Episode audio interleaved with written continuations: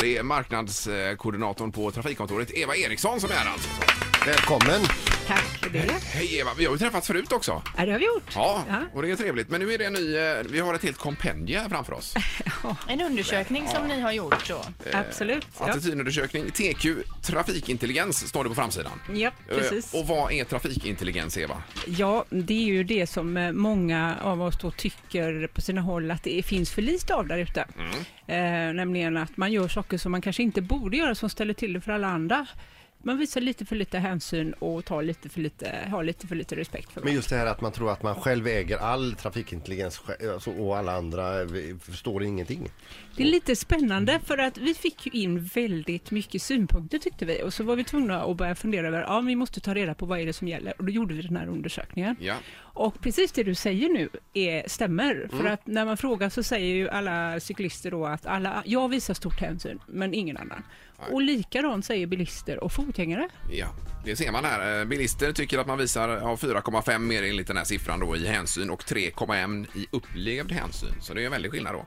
Och 4,2 mot 3,3 vad gäller cyklister. Du menar den upplevda, är det den man får tillbaka? Ja, det blir det ju då. va? Men var i stan är det so- som mest eh, folk som tycker att eh, de inte får någon hänsyn?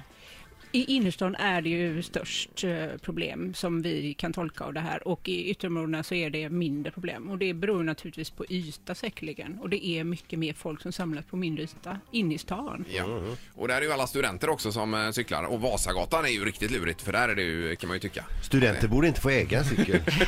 Och alla bussar och spårvagnar som står still i hela stan också gör ju kanske också att man blir Man förbannad. ska ju Kanske. veta det att cyklandet har ju de senaste två åren ökat någonting dramatiskt. Förra Ja. året ökade 20 procent på helår och i år 30 procent.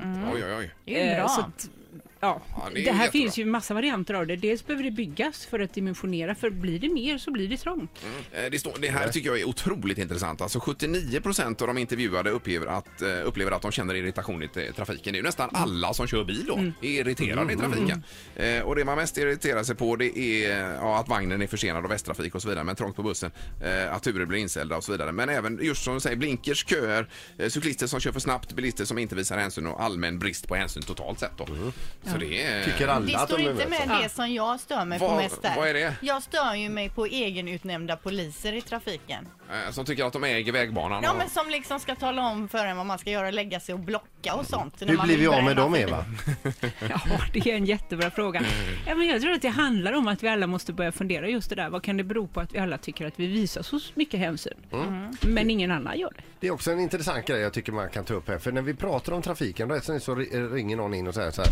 "Eh, Jag kör yrkestrafik, ungefär som då väger mitt ord lite, t- eh, lite tyngre. Ja. Och, så, och så berättar det och den som kö- eh, är yrkeschaufför hur det går till där ute och hur och hur dåliga alla andra är. Men om man tittar här på eh, eh, rusningstrafiken så är det ganska ofta yrkestrafiken är inblandade i just olyckor. Mm, absolut. Alltså jag tror att det är så här illa att vi är lika goda kålsupare allihop.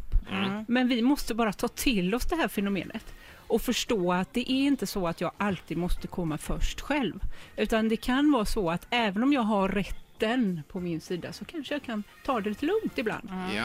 Eh, nu kommer vi också börja bygga en del eh, och då blir det än mer trångt. Ja. Mm. Vad menar du?